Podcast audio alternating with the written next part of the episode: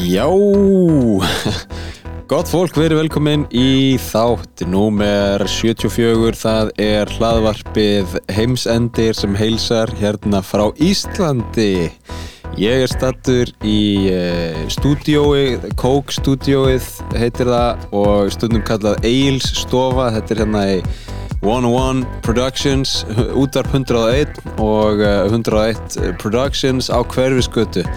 Uh, það er gott að vera komin heim. Ég er sko búinn að vera á Íslandi í tvær vikur uh, cirka á eina viku eftir sko þrjár vikur.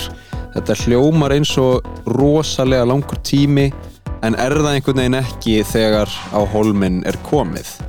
Sko þetta er þáttur sem ég ég ætlaði að hérna ég ætlaði að fjalla um uh, sértróðsöfniði ég ætlaði að gera það og mun mögulega gera það en það kemur svolítið í ljós. Þetta er svona e, þáttur í anda lífið í Tókjó nema núna heitir hann lífið á Íslandi eða lífið í Reykjavík.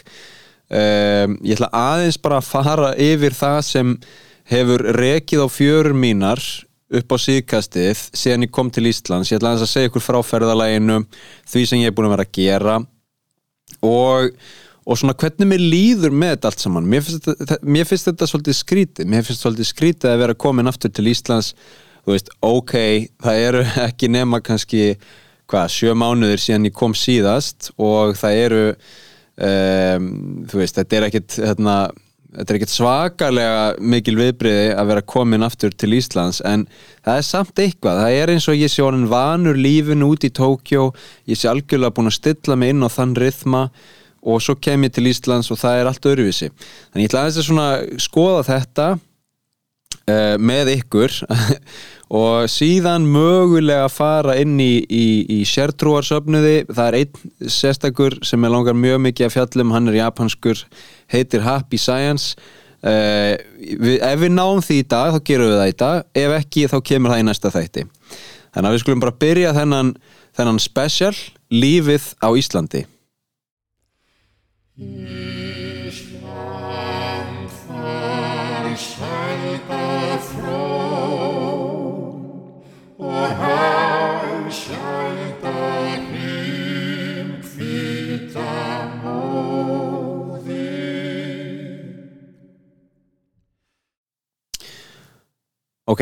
ég kom til Íslands uh, um miðjan februar.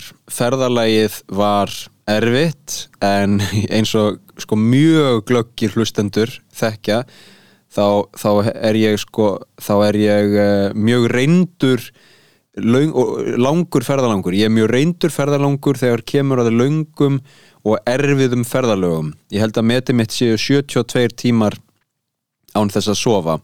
Það var þegar ég var 17 klukkutíma á vellinum í Abu Dhabi uh, sem var ekki drosalega skemmtilegt sko. Og þau, sem, þau ykkar sem þekkja það að ferðast ein og sérstaklega þegar maður er sko kannski ungur og hefur ekki annarkvæmt ekki efni á því eða vill ekki vera að eyða peningum í hótel og svona munað kannski sturtu og þannig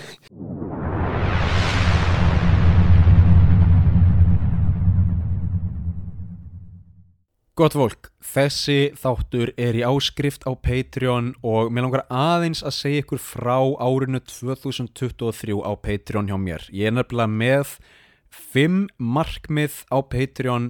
Fyrsta markmið er að ná tíu áskrifendum og það vantar bara eina mannesku, mögulega ert það þú til að skrá sig. Þegar ég er komið tíu áskrifendur þá ætla ég að fara til minnstu eigu Tókjó og segja ykkur söguna af því. Þegar ég kom með 20 áskrifendur þá ætla ég að fasta í 5 daga og segja ykkur frá því. Þegar ég kom með 30 áskrifendur þá ætla ég að leia mér miðaldra Karlmann. Það er hægt í Japan. Ég hef aldrei gert það en mér langar að prófa það. Uh, það gerist þegar ég kom með 30 áskrifendur á Patreon. Þegar ég kom með 40 áskrifendur þá ætla ég að skrá mig í sértrúarsöfnuð hérna í Japan. Þegar ég er kom með 50 áskrifendur þá ætla ég að fara í rannsóknarleiðangur til Fukushima sem varð fyrir kjarnorkusleysi árið 2011. Þetta eru markmið ársins 2023 og ég get aðeins náð þeim með ykkar hjálp. Þannig að ef þið hafið gaman af þáttunum og langar að heyra meira og langar að styðja við bakið á þessu hlaðvarpi, gerið það fyrir mig, kíkið á Patreon appið, finnið heimsendi og skráið ykkur, það kostar bara 700 krónur á mánuði. Hið